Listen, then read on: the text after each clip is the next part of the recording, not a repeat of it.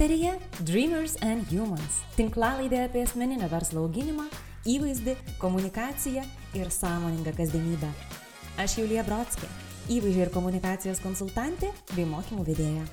Esu tam, kad įkvėpčiau dalintis geriausiu, ką turite, o prekės ženklus kurti su žemėlapiu rankoje.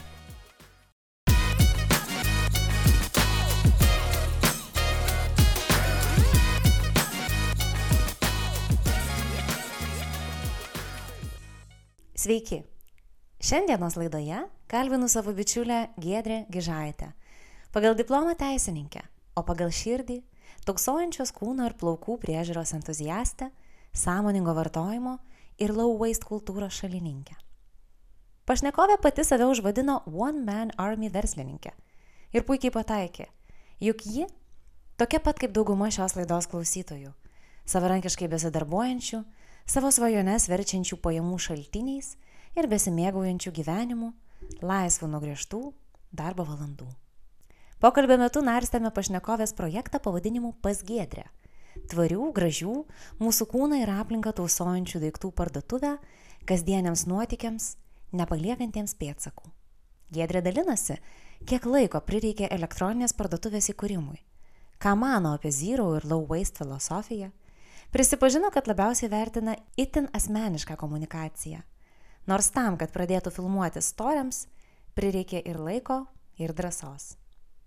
Labai tikiuosi, kad šis pokalbis įneš aiškumo ir gairių tiems, kurie savo projektus galbūt dar marinuoja. O visiems kitiems primins nušluoti perfekcionizmą šalin ir tiesiog kurti pakeliui dairantis ir sąmoningai vertinant, kas vyksta. Malonaus klausimo. Tai labas, Gedrė. Labas, Julija. Dėkoju tau, kad prisijungiai šitą pokalbį. Ir iš tikrųjų jį norėčiau pradėti nuo tokio asmeninio viešo prisipažinimo. Kad tu iš tikrųjų man kartais esi toks žmogus, kuris, na, tarsi ir išgelbėja gyvenimą. E, nes aš tai rašau, pavyzdžiui, tau, kad e, nesuprantu, kaip čia elgesi plaukai, arba kažkaip keistai kažką tai daro oda, arba kaip naudoti kažkokias konkrečias kosmetikos priemonės. Na, nes tiesą sakant, niekada savo gyvenime per daug giliai šituos dalykus nejau. Bet susidaro toks įspūdis, kad tau šita trauka kūno priežiūrai, plaukų priežiūrai yra tarsi, nežinau, nuo vaikystės, kūdikystės. Kaip čia yra? E, labai, labai faina girdėti, kad tu mane tokią matai. Mhm. Iš tikrųjų, paauglystėje susidūriau su paaugliškomis veido odos problemomis ir kažkaip gavosi, kad labai organiškai pradėjau domėtis kosmetika, jos poveikiu ir viskas gavosi taip, kad po dar dešimties metų pradėjau dirbti su tuo. Tai man e, odos priežiūra, plaukų priežiūra, visi šitie dalykai, e, man tai nėra tuštybė mūgė, o tai yra labai sąmoningas rūpinimas į savo kūną. Pradėjai dirbti su tuo, kaip visą tai atrodė. Baiginėdama studijas, e, beje, su baigusi teisę, nors nieko bendro su tuo neturiu gyvenime, čia jau klasika turbūt pas teisininkus. Žodžiu, įsidarbinau vienoje pirmųjų ekologiškų produktų parduotuvių Lietuvoje tiesiog suprasdama, kad aš jau norėčiau pradėti dirbti, bet dar tiksliai nežinau, ką aš sugebu šitam gyvenime ir ko aš noriu. Tai tiesiog pamačiau skelbimą, kad yra ieškoma pardavėja. Ir taip nuėjau dirbti su kosmetika. Ir gavosi, kad tuomet mano turėtos žinios, jos buvo tikrai nedidelės, bet jos man padėjo gauti darbą. Tuo metu iš tikrųjų reikėjo žinių, kad būčiau galėjusi įsidarbinti tokioje vietoje ir laikui bėgant tų žinių tik tai daugėjo, nes e, dirbdama su kosmetika, konsultuodama žmonės, kurie ateidavo į mūsų parduotuvę, tai turėjau galimybę mokytis e, dar daugiau, dar geriau suprasti kitus žmonės, jų poreikius. Kosmetikos žinios man yra toks natūralus dalykas, sakyčiau, prigimtinis, bet taip nėra, tos žinios jos atėjo su laiku, bet tai yra tokia didelė dalis manęs, kad aš tai žiūriu kaip į Nu, pavyzdžiui, mano plaukų spalva yra ruda. Tai nėra nei gerai, nei blogai. Tiesiog taip yra. Ir tos žinios, nu, jos yra dalis manęs. Aš, aš tokia esu. Tai, nu, tai neatsiejama nuo mano, nuo mano kažkokio tai pasitikėjimo savim gal demonstravimo. Mhm. Tai kaip čia dabar nutiko, kad gimė toks dalykas kaip pasgėdrė? Net ir išpildydama save darbinę prasme, supratau, kad yra dalykų, į kuriuos noriu žiūrėti kitaip, kuriuos noriu daryti kitaip. Ir supratau, kad niekas man to ant lėkštutės net neš. Ir kad jeigu aš noriu daryti dalykus savo būdu, tai turiu imti juos ir daryti pati. Ir man labai norėjosi e, saviraiškos ir kūrybinės laisvės, kad galėčiau tiesiog pabandyti išlaisvinti savo kūrybiškumą, e, kiek tai yra susijęs su kūno, plaukų priežiūra ir panašiai. Ir labai norėjau būti tokia nepriklausoma kurėja. Tiesiog pabandyti, kas gausis, net, neturint kažkokių didžiulių lūkesčių. Labiau tiesiog, kad tai būtų saviraiškos dalis. Tai ką tu padarai? Prisisiunti kažkokių kosmetikos priemonių ir pradėjai jomis prekiauti iš namų? Kaip čia atrodė viskas?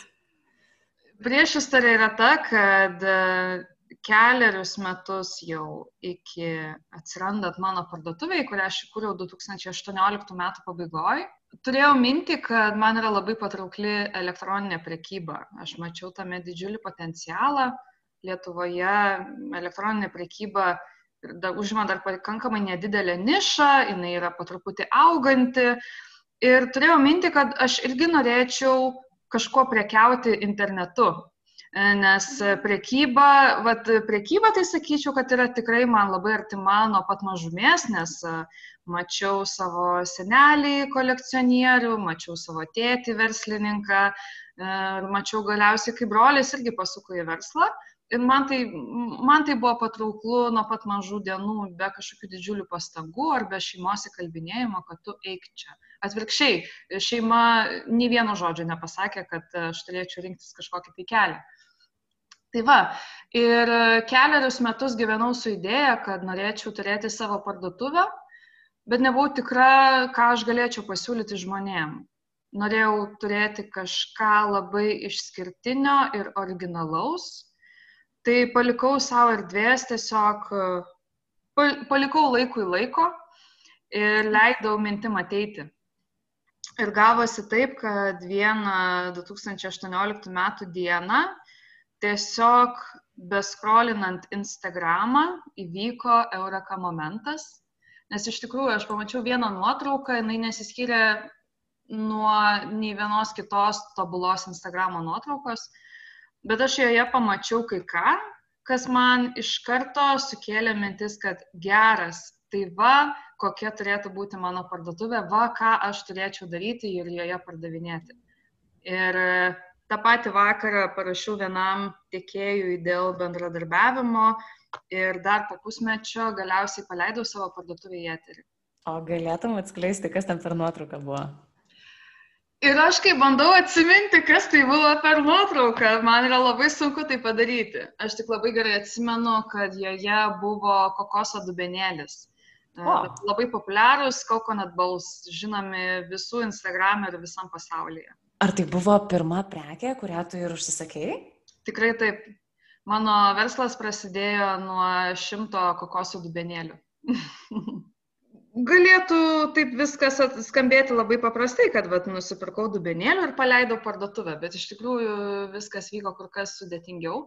Aš kelis mėnesius gyvenau su šimtu dubenėlių savo namuose ir neturėjau daugiau nieko, tik tai tuos dubenėlius supratau, kad reikia įdėti daug laiko ir pastangų, bandant suprasti, bandant išsigryninti apskritai, kokį verslą aš noriu daryti, bandant suprasti visus techninius aspektus, kuriuos išmanant aš galiu pasikurti elektroninę parduotuvę. Daugiausia dirbau viena, turėjau porą žmonių, kurie šiek tiek man padėjo savo idėjomis, mintimis, uh, paskui fotografą samdžiausi, kuris nuotraukas man padarė pirmasias. Tačiau e, didžiąją dalį dariau pati, tiesiog skaitydama internetą ir bandydama susigaudyti. Tai e, dėl ko esu labai dėkinga šio laikiniam technologijom, kad jau nebėra reikalinga išmanyti kažkokius tai programavimo dalykus, ir elektroninę parduotuvę pasikurti gali iš tikrųjų kiekvienas, net, net neturėdamas iš ankstinių žinių.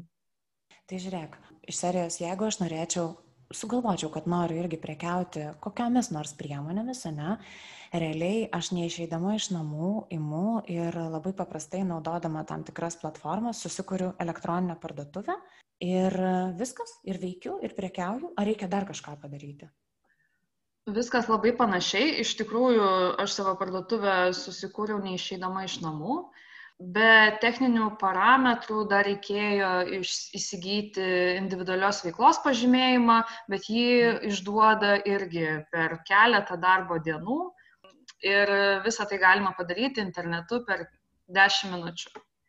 Tai iš tikrųjų individualios veiklos pažymėjimas, galima sakyti, įteisino mano veiklą ir tuomet jau bereikėjo skaityti forumus, googlinti apie tai, kokią parduotuvės platformą rinktis, kokius mokėjimo būdus pasirinkti, kokias yra pristatymo kurjerių paslaugos ir panašiai. Tai visam šitam dalykui reikėjo tikrai nemažai perskaityti. Bet paskui viskas pasidarė taip sukrito į stalčiukus ir tapo labai aišku. Tai sakyčiau, tokio intensyviausio techninio darbo užtruko gal porą savaičių, nedaugiau mėnesio, o iki tol tai buvo tiesiog kūrybinis pasvajojimas ir bandymas suprasti, tai, tai ką aš čia darau, kas bus mano auditorija, kaip aš komunikuosiu ir panašiai.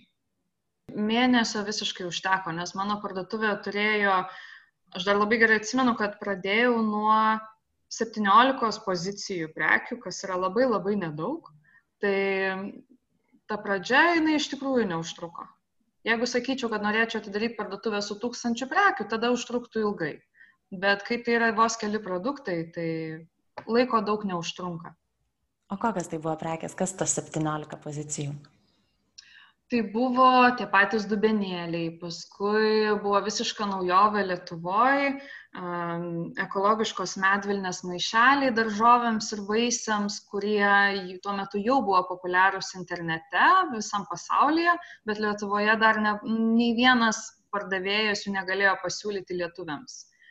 Paskui buvo bambukiniai dantų šepetėliai, taip pat bambukiniai ausų krapštukai, kuriuos aš irgi pirmoji atvežiau į Lietuvą. Jie jau po poros mėnesių jie buvo prieinami tiesiog visur nes geri daiktai apie save žinę skleidžia labai greitai ir plačiai. Ir taip pat dar buvo stiklinės gertuvės. Tuo metu Lietuvoje stiklinių gertuvių irgi dar buvo labai labai mažas pasirinkimas. Gedrė, tai aš girdžiu tokį dalyką, kad tu tarsi startavai labiau su vienos kategorijos produktais, o dabar tavo parduotuvėje galima jau pamatyti truputį kitokį vaizdą. Čia vyko kažkokia transformacija eigoje? Galima pavadinti transformacija iš tikrųjų, nes pradėjau nuo labai tokios aiškios žinutės apie zero waste filosofiją, kuri tuo metu, galima sakyti, išgyveno savo aukso amžių, buvo pats pakilimas ir visiems buvo labai įdomu išgirsti, kas tai yra zero waste, kas tai yra ta mažia, mažiau atliekų kultūra laikui bėgant supratau, kad e, noriu savo sortimentą plėsti, nes kaip ir kiekvienas verslas norėjau auginti savąjį. Ir e, pradėjau ieškoti, kuogi dar galėčiau nudžiuginti lietuvius, ko dar pas mus nėra, bet galėtų būti įdomu. Ir taip atsirado po truputėlį vis daugiau įvairių kosmetikos priemonių, kurios ne tik džiugino savo sudėtimi ir poveikiu, kas man yra labai svarbu, tačiau ir buvo įpakuotos į vairiausias perdirbamas pakuotės. Man yra labai svarbu į kosmetikos priemonę žiūrėti iš visų pusių. Tai yra pasižiūrėti į tai, kaip jinai supakuota ir dar labai svarbu, kas yra jos viduje. Aš nenoriu siūlyti žmonėm vien gražios pakuotės, stiklo buteliukė arba perdirbamo popieriaus pakuotėje, Mm, apie ką yra dabar daug kalbama, kad va pasižiūrėk, šitas mailas yra įpakuotas į perdirbamo popieriaus dėžutę. Bet kas iš to, jeigu viduje yra vien naftos produktai ir, ir kiti nemalonus ingredientai. Tai labai stengiuosi derinti šios du dalykus. Ir dabar labai aiškiai matau, kad visa ta zero waste arba low waste filosofija, jinai yra ne tik apie, ne tik apie kažkokius tai daiktus, kuriuos mes perkame ir vartojame, tai yra tuo pačiu dar ir apie savęs prieimimą, apie savo kūno tausojimą, tuo pačiu, kai mes tausojame save, mes tausojame ir savo aplinką. Tiek emocinė, tiek fizinė prasme. Tai man atrodo, kad šitie dalykai yra labai e, susiję, persipinę glaudžiai, todėl dabar stengiuosi atrasti ir pasiūlyti žmonėm ne tik kažkokių tokių paprastų dalykų kaip bambukiniai dantų šepetėliai, kurių Lietuvoje tiesa irgi asortimentas jau yra pakankamai didelis ir jau yra ne problema nuėjus į didžiulį prekybos centrą jų įsigyti, bet labai dar noriu pasiūlyti vyriausių odos, plaukų priežiūros priemonių, kurios leistų tausoti savo kūną ir tuo pačiu tausotų aplinką.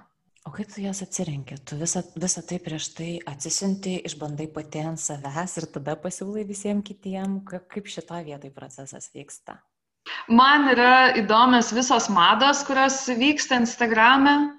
Prenumeruoju netgi kažkiek tai naujienlaiškių, uh, tų žmonių, portalų, kurie dirba ties trendais, naujienomis, naujovėmis, tiek tai gali būti susiję tiek su kažkokiais, su tvaria gyvensena, tiek su kosmetika ir panašiai. Viskas yra persipinę.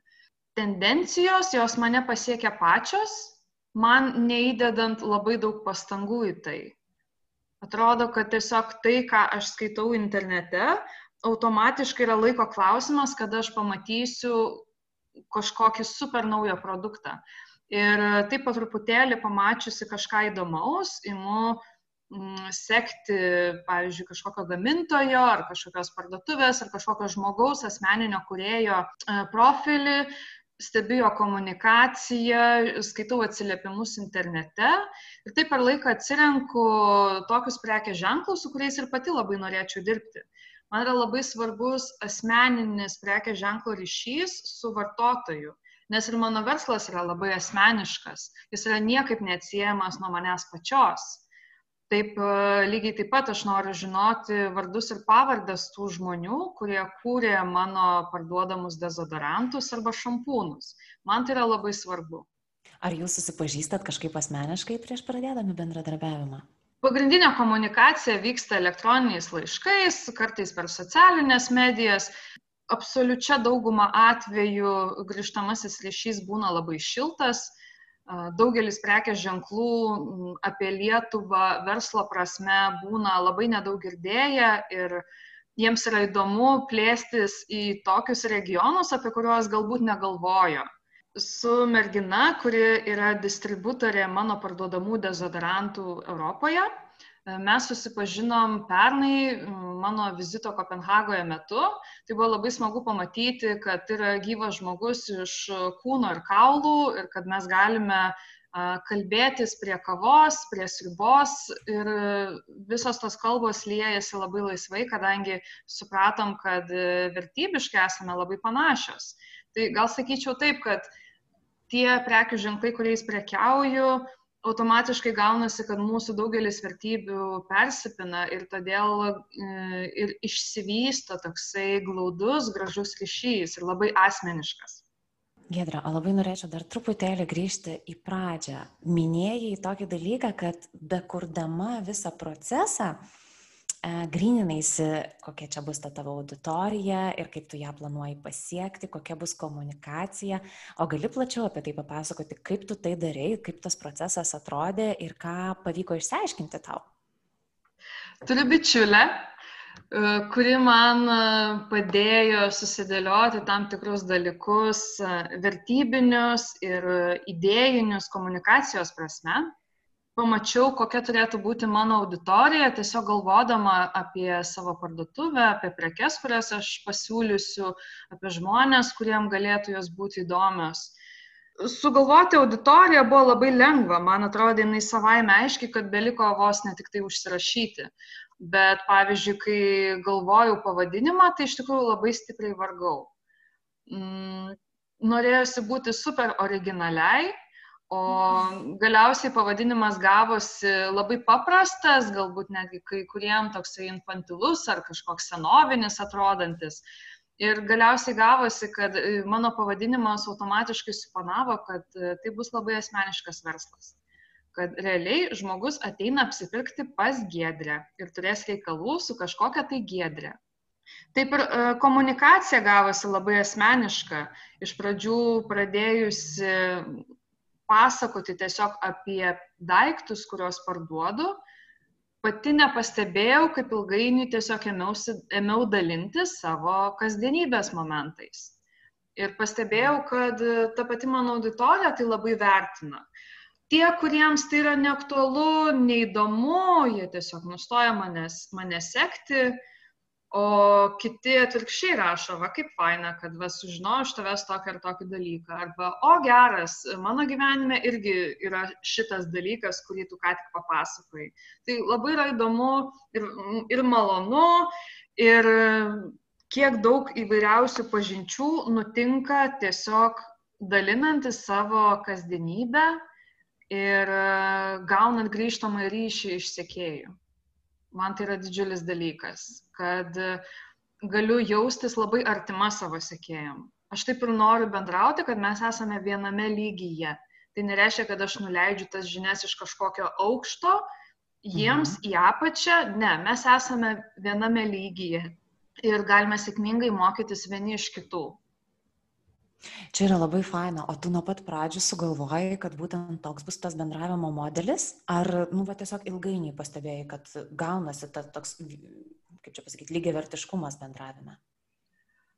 Gal sakyčiau, jisai gavosi labai organiškai laikui bėgant. Iš pat pradžių gal neturėjau labai ryškios vizijos, kaip aš norėsiu komunikuoti, turėjau nusimačiusi gairias, bet uh, ilgainiui pamačiau, kad dalykai keičiasi ir tai, ką aš užsirašiau ant popieriaus prieš pusę metų, nebūtinai yra aktualu šiandien ir dabar. Nes manau, kad kiekvienas verslas pačioje pradžioje išgyvena tokį savęs ieškojimo laiką, kai norisi iš, iki galo išsigryninti, tai vis dėlto, kas mes esame ir kur mes einam.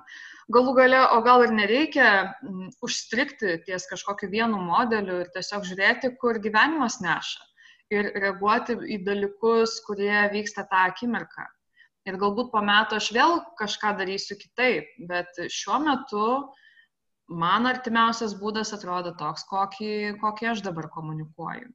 Ir mano auditorijai tai atliepia, o jeigu laikui bėgant kažkas keisis, keisiuosi ir aš. Ir atvirkščiai, mes visi nuolat keičiamės ir kažkokie tai dalykai gali kisti mūsų versle, veikloje, komunikacijoje. Viskas labai organiška. Tai kaip suprantu, pagrindinė tavo komunikacija vyksta per Instagramą, ne? Tikrai taip.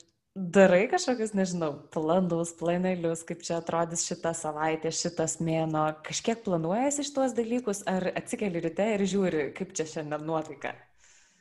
Nu, labai faina tema, Julija. Čia, vat, jeigu tu būtum mano mokytoja, tai aš būčiau pati blogiausia tavo klasės mokinė planavimo prasme.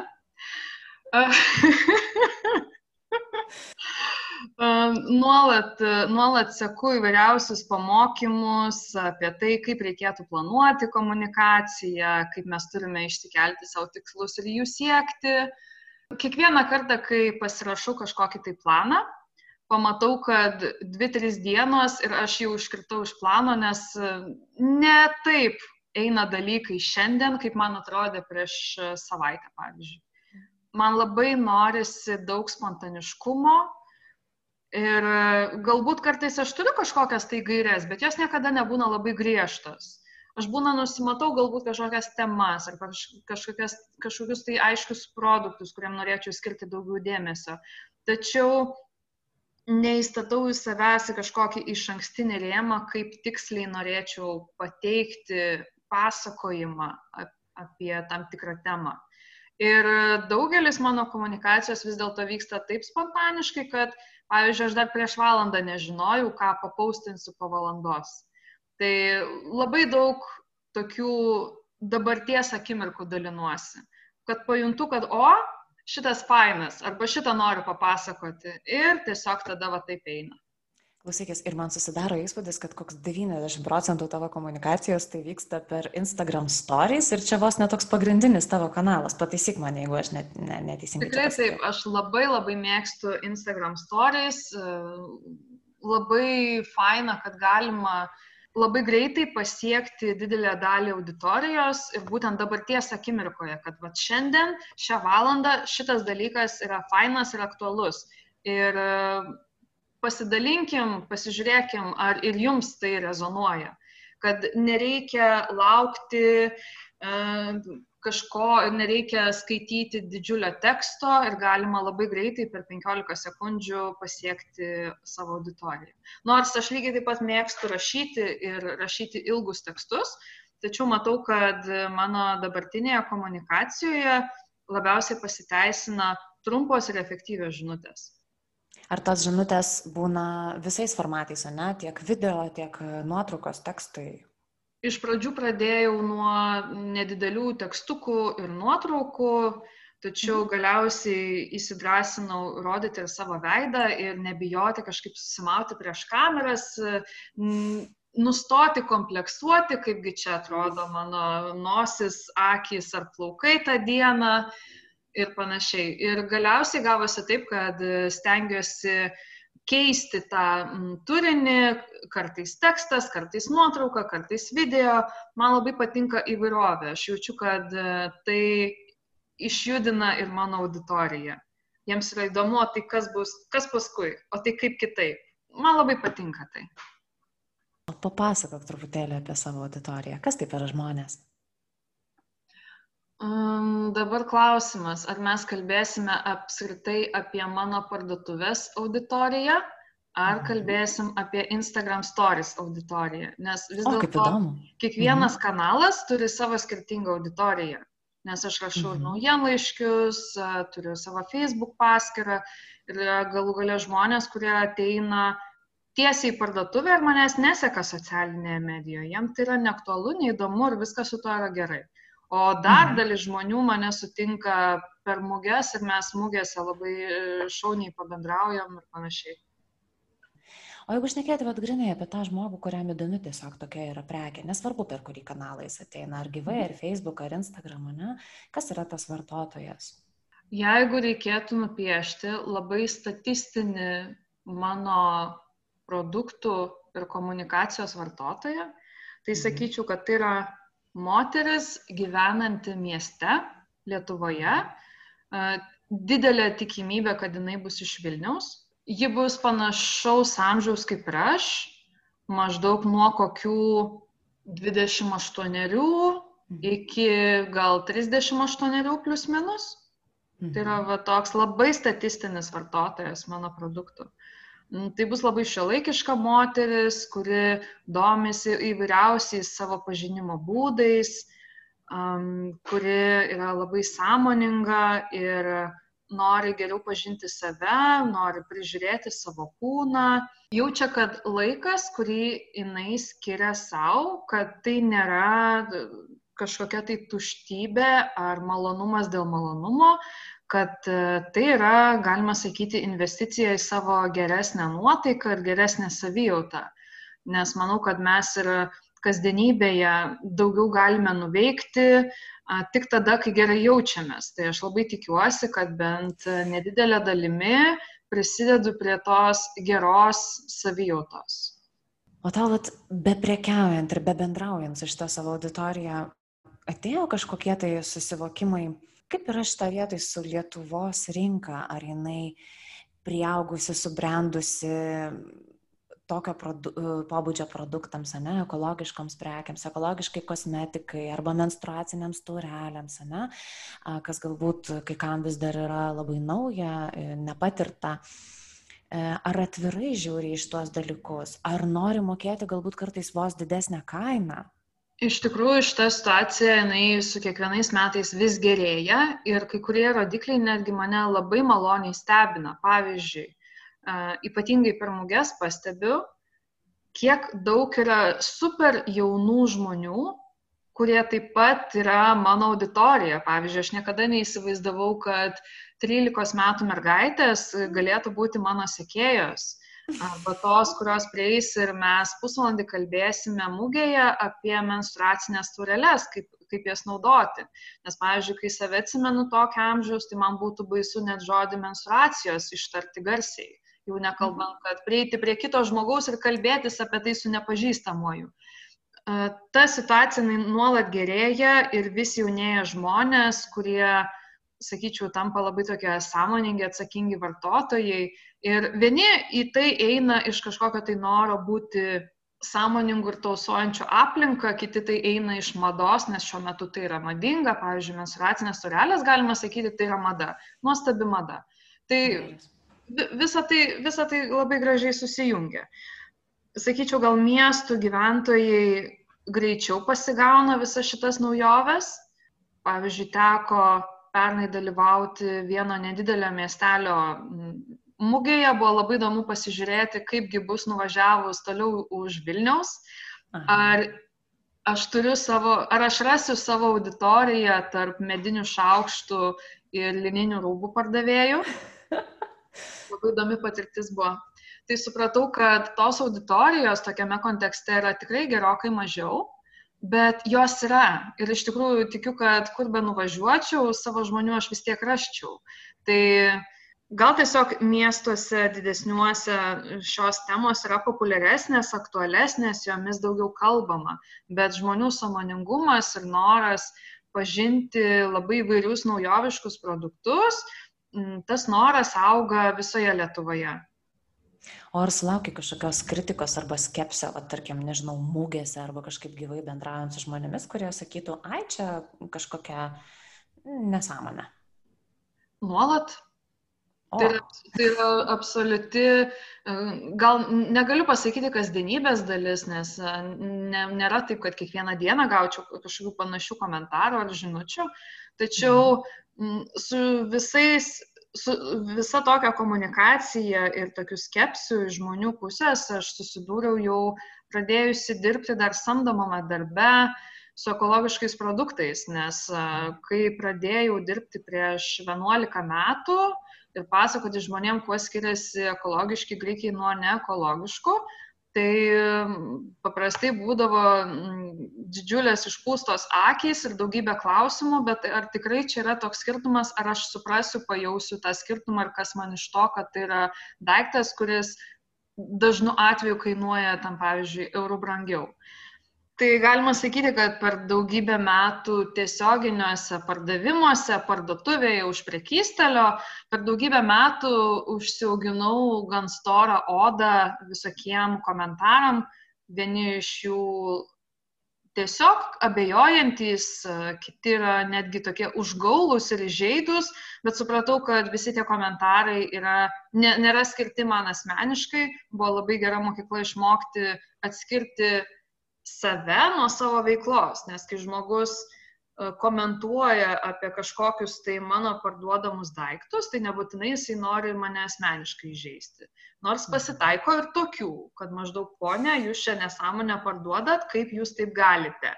Pasitaiko. Mhm. Bet suprantu, mhm. kad visa tai yra tiesiog e, veiklos dalis ir neišvengiama dalis žmonių, kurie dirba tiesiogiai su žmonėmis su aptarnavimu. Ir galima sakyti, kad visi šie komentarai šiais laikais man nu, nubėga kaip vanduo nuo žasies. Jeigu kažkokiam abejojime dar lieka vietos klausimam ir diskusijai, tai aš visuomet einu į juos ir labai būna įdomu apsikeisti skirtingom nuomonėm. Ir būna netgi faina, kai suprantam, kad taip, mūsų nuomonės yra visiškai skirtingos tai netrukdo mum bendrauti arba rasti bendrą kalbą dėl kitų klausimų. Gedra, išduok paslapti, ar yra kokia nors prekė, kuri, nežinau, kontroversiškiausia, kurią sunkiausiai galbūt žmonės priima, o gal net ir, nežinau, praščiausiai perka. Ar yra kažkokios tokios pas tave vidinės statistikos? Aš gal sakyčiau, kad e, kontroversiškiausia prekė tai yra tos pačios menstruacinės turelės ir daugkartiniai mhm. įklotai. Mhm Tačiau tai nėra blogiausiai perkama prekė, atvirkščiai, tai yra viena geriausiai perkamų prekių, kadangi susidomėjimas iš visuomenės yra didžiulis ir kai, kur, kai kurie galbūt dar tik tai ruošiasi ir kaupėsi tokiam pirkiniui, tačiau didžioji dauguma labai noriai skaito, domisi, klausinėja ir klausosi diskusijų, minčių ir žinių apie šitus produktus. Tai suprantu, kad tai yra menstruacinė turelė yra produktas, kuris skirtas galbūt ne kiekvienam psichologiškai, nors fiziologiškai tai tinka absoliučiai didžiai daugumai moterų. Bet mhm. viskas yra su tuo gerai. Man labai yra įdomu kalbėti su žmonėmis, kurie arba neturi žinių, arba turi galbūt e, prisigaudę kažkokių tai neteisingų nuomonių, e, arba tiesiog abejoja iš savo praktinės patirties, ar čia tikrai galėtų būti va šitas dalykas, tai jau tikrai išgelbės mane. Tai visą laiką labai įdomu būna diskutuoti, kai tik tai žmogus yra pasiruošęs e, eiti į tą diskusiją ir tiesiog eina su atvira širdimi šitą pokalbį. Tai visą laiką labai smagu pasikeisti nuomonėmis. O išgirsti tokių komentarų, kad pavyzdžiui, nu, vat, daugkartiniai įklotai tai iš vis yra tokia vakar diena, kodėl mes čia vėl 21 amžiuje grįžtam prie to, ką kažkada ten naudojo mūsų močiutės ir panašiai. Kartais pasitaiko ir tokių dalykų. Aš kažkaip esu linkusi priimti visokiausius komentarus. Mano tikslas nėra, taip sakant, apginti kiekvieną daiktą ir įtikinti žmogų, kad ne, tu nesi teisus, šitas daiktas nėra senovė, čia yra ateitis ir kad tu būtinai turi jį išbandyti. Mhm. Ne, aš manau, kad e, jeigu žmogus turi savo nuomonę ir jinai nesutampa su mano požiūriu arba su tos prekės netgi specifikacija, ir sako, taigi kaip, tai čia vis tiek pratekės, prabėgs, čia nesąmonė, čia nepatogu, čia, čia panašiai, tai viskas yra su tuo gerai. Kiekvienas žmogus yra laisvas rinktis ir aš negaliu prisimti atsakomybės už kito žmogaus veiksmus. Mhm išgirdau tą tokį mano tikslas, e, žodžiu, mm, junginį. Ar laikai at kažkokį savo iš vieno iš galbūt tikslų, misijų edukuoti visuomenę? Absoliučiai. Man labai yra įdomu dalinti žiniomis, visų pirma, apie dalykus, kuriuos tiesiog pati perskaitau ir jaučiu, kad, o geras, manau, kad atsirastų daugiau žmonių, kuriam tai galėtų būti įdomu kai tik tai pajuntu, kad turiu kažką, ko galėčiau pasidalinti, kas pasitarnautų ne tik man vienai, bet ir kitiem, tai visą laiką tai darau. Ar tai būtų tiesiog per gyvą pokalbį ir kažkokią tai konsultaciją žmogaus, ar kažkokį tai apsikeitimą e-mailų ar Instagram stories. Edukavimas yra labai didelė dalis mano komunikacijos ir mano veiklos. Bet galima sakyti, kad tai yra netgi ir mano asmenybės dalis. Man labai tiesiog patinka dalintis tomis žiniomis, kurias aš turiu, kurios man atrodo įdomios ir svarbios. Mhm.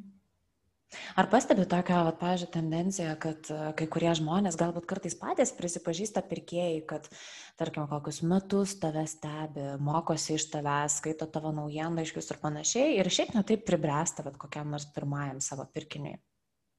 Nuolat, vos ne kiekvieną dieną susiduriu su žmonėmis, kurie sako, kad va, aš jau pusę metų skaičiau, sekiau ir pagaliau ryžausi. Arba kad uh, va, čia žinojau, kad tu esi, bet niekaip nesiryžau e, kažkokiam tai pirkiniui, bet čia va, man, mane draugė paskatino, arba čia man parodė ir aš jau nusprendžiau, kad ir pati norėčiau ateiti pas tave ir kažką tai įsigyti. Arba kiti prieina per mugės, sako, o, labas gėdrė, aš tave seku Instagram'e, bet dar nieko nesupirkusi. Ir kiti taip ir neperka, viskas yra tvarkoj. Kurie žmonės mane seka ne todėl, kad jie norėtų kažką iš manęs nusipirkti, bet jiem yra turbūt tiesiog e, smagu, linksma sekti e, dalykus, kuriais aš dalinuosi. Mhm. Ir dažniausiai greičiausiai tai irgi yra kažkiek tai jų interesus rytis, ne? Tikrai taip, matyt, kažkur sutampa galbūt vertybės ar kažkokios tai domėjimosis rytis. Mhm. Tai tu sutiksi su manim ir, ir su tokia mano irgi vidinė filosofija, kad e, bet kuriuo atveju labai smagu, kuomet galim iš tikrųjų kurti tą vertę savo socialiniuose tinkluose, kurti santykiai, galbūt pristatyti save kaip asmenybę. Ir tokiu būdu žmonės atsirenka, vieni gauna naudos ir kažkokių fainų prekių, o kiti tiesiog edukuojasi, šviečiasi. Absoliučiai. Man būtų labai sudėtinga dabar dirbant vienai prie savo verslo, bandyti įeiti kažkokį personažą, kuriuo aš nesu. Tai būtų kažkoks labai dirbtinis net nežinau, kažkoks tai dirbtinis kūrinys, kuris nelabai turi ką bendra su realiu gyvenimu. Ir, na, tokia sintetinė komunikacija, man atrodo, yra labai svetima.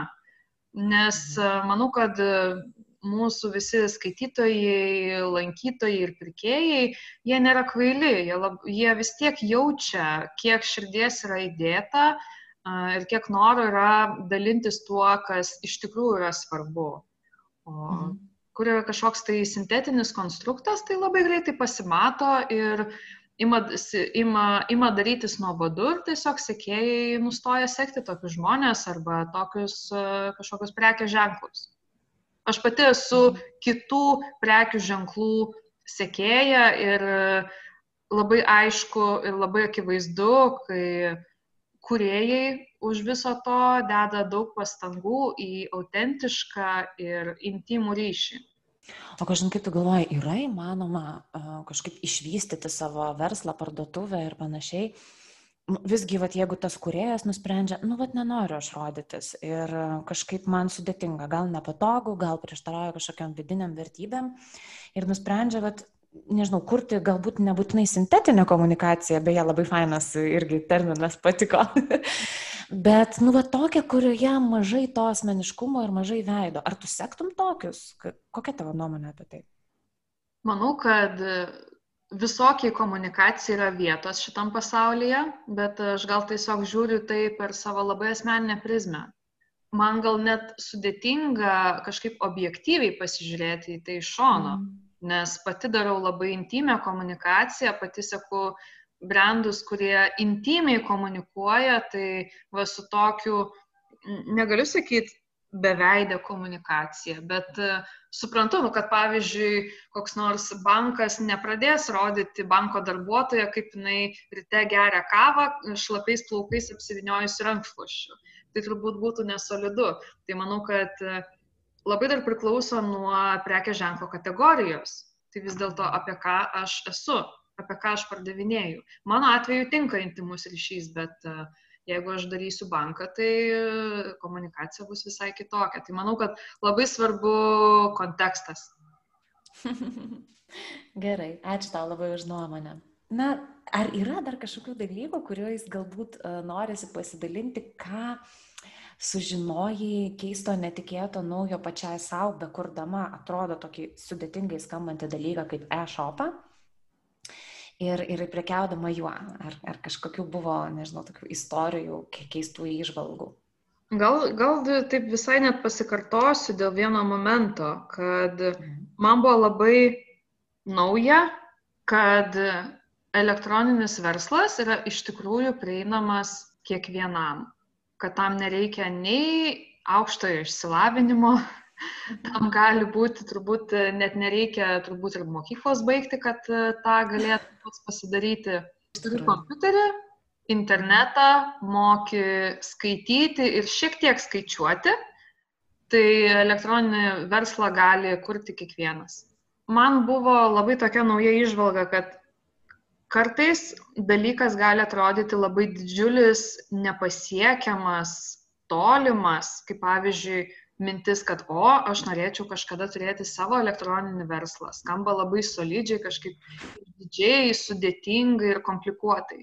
Bet e, pradėjus visą tai daryti, pamačiau, kad tai yra labai paprasta ir nereikalauja nei kažkokių didžiulių žinių, nei didžiulių nei laiko, nei finansinių resursų. Tai supratau, kad kartais dalykai, kurie atrodo labai gazdinantis ir dideli, iš tikrųjų yra labai paprasti, kasdieniai ir labai lengvai prieinami. Mhm. Gerai. O labai labai, žinok, visą laiką smalsu yra paklausti, ar buvo per šituos, pat jau beveik dviejus metus, kokių nors juokingų istorijų santykėje su klientais, su prekėmis, kažkokių susimovimo atvejų, būtinai pasidalink, kiek buvo. Turėjau tokią situaciją, pavyzdžiui, kad e, dviem klientam tiesiog paprastai sukeičiau jų užsakymus visai netyčia. Ir man labai pasisekė, kad jos abi gyvena Vilniuje Tai aš tiesiog skiriau vieną gerą pusdienį ir autobusais, troleibusais su krūva persėdimų ir su krūva žinučių ir atsiprašinėjimų ir e-mailų su nuolaidos kodais ir atsiprašymais ir geros dienos palinkėjimais. Tiesiog e, suvažinėjau ir sukeičiau užsakymus, nors atrodė, nu kaip va taip galėjau tokią va, labai paprastą klaidą padaryti. Bet buvo labai mhm. smagu pamatyti, kad visi žmonės supranta, kad mes darome klaidų ir faina pamatyti, kad žmonės yra labai supratingi. Tai kuo tikrai galiu pasidžiaugti, kad auditorija man yra super supratinga, net jeigu kartais padarau klaidų. Aš irgi žmogus, aš irgi klystu. Aš pati ir darau ir komunikaciją, ir siuntas pakuoju, ir einu su kurjeriais susitikti, viską darau pati. Tai esu labai dėkinga, kad turiu erdvės suklysti ir tas klaidas ištaisyti. O čia labai gerą pakabinai apie visas tas funkcijas, kurias tau reikia atlikti. Tai tu man truputėlį papasakok apie elektroninės parduotuvės savininkės kasdienybę. Tai čia kiek kada, kok, užima kam laiko ir kiek čia tų dėžių reikia nešioti, ar tu dirbi iš namų. Pa, pasidalink truputį. Turiu ofisą, kuriame dirbu didžiąją dalį laiko dienos. Ten yra vieta, kurioje yra darbo stalas, skirtas e, kompiuteriui ir taip pat yra didžiulė lentyna su daugybė dėžių, dėžučių. Kiekvieną dieną pamatyti, kokios dienos aš noriu. Kartais turiu jėgų jau nuo 8 ryto sėsti prie stalo ir užkariauti dieną ir iki pat vakaro pakuoti, atrašinėti žinutės, ieškoti kažkokių tai naujų tiekėjų, daryti užsakymus ir panašiai. O kartais būna, kad atsikeliu ir matau, kad šiandien iki pietų aš turbūt e, iki ofiso taip ir nenueisiu. Bet galbūt aš galėčiau namuose padaryti kokią nors e, fainą komunikaciją arba parašyti naujienlaiškį tiesiog gulėdama ant sofos. Tai labai stengiuosi palikti savo kūrybinės laisvės. Man yra labai svarbu neprisirišti prie vieno būdo veikti. Pavyzdžiui, man būtų labai sunku kiekvieną dieną nuo 8 iki 5 sėdėti prie vieno darbo stalo ir prie jo atlikti visas 15 funkcijų, kurias aš darau. Labai norisi turėti tos kūrybinės laisvės ir esu labai dėkinga, kad turiu šitą galimybę. Tai galima sakyti, kad iš tikrųjų šita profesija, jeigu galima taip pavadinti, arba šita veikla, yra iš tikrųjų fantastiškai tinkanti tiem žmonėm, kuriems, na, galbūt norisi kuo mažiau tos rutinos gyvenime, kuo daugiau dinamikos ir kuo daugiau laisvės planuoti. Nes aš taip įsivaizduoju, kad tu kartais ir savaitgaliais padirbi, jeigu tau įkvėpimas yra. Tikrai taip, aš savęs iš to atžvilgių neriboju ir jeigu jaučiu, kad, o, norėčiau vieną dalyką papasakoti arba kažką parašyti ar kažką nufilmuoti, tai aš tam ir pasiduodu. Aš tikrai pasiduodu savo kūrybiniam impulsam, kurie gali ateiti pas mane tiek 7 ryto, tiek 11 vakaro. mhm. tai, tai iš mhm. tikrųjų, gal sakyčiau, toks prabangus režimas, kol aš dar neturiu vaikų ir kažkokių didžiulių atsakomybių, bet šiuo metu tokia esu gan laisvai kurianti kurėja, tai jeigu mano mūza ateina prieš vidurnaktį, tai aš ją puikiausiai darbinu. Gedrė, o kur galima būtų rasti tą tavo gražią parduotuvę, kaip galima būtų susisiekti su tavim, susipažinti su tavimi, papasakok klausytojams. Tai mano parduotuvę galite rasti pasgiedrė.com internete. Taip pat aš esu Instagrame ir Facebook'e. Tiesiog įveskite pas Giedrę ir jūs mane susirasite. Šiaip aš turiu Vilniuje savo studiją naujamestyje, galite ateiti beveik kiekvieną darbo dieną, tai labai noriai priimu žmonės pas save. Taip pat dalyvauju mugėse, apie kurias skelbiu visais savo komunikacijos kanalais. Tai kviečiu mane pafollowinti. Ačiū labai, Gedra, labai labai ačiū tau už pokalbį ir labai labai tikiuosi, kad jisai galbūt kažkam virs įkvėpimu iš tikrųjų pradėti savo elektroninę parduotuvę, su, susiprasti, kad tai nėra kažkoks tai labai sudėtingas procesas, didžiulis kalnas, į kurį reikia įlipti. Ir labai labai faina buvo išgirsti iš tikrųjų apie tai, kad tam tikrai nebūtina turėti labai daug žinių, kažkokių tai ypatingų gebėjimų, Labai linkiu, kad auditorija būtų vis labiau samoningėjanti, vis labiau atvira e, visiems tiem įdomiem dalykam, kuriuos tu pristatai Vilniečiams, lietuviams ir visiems visiems. Ačiū tau, Julija, už pokalbį.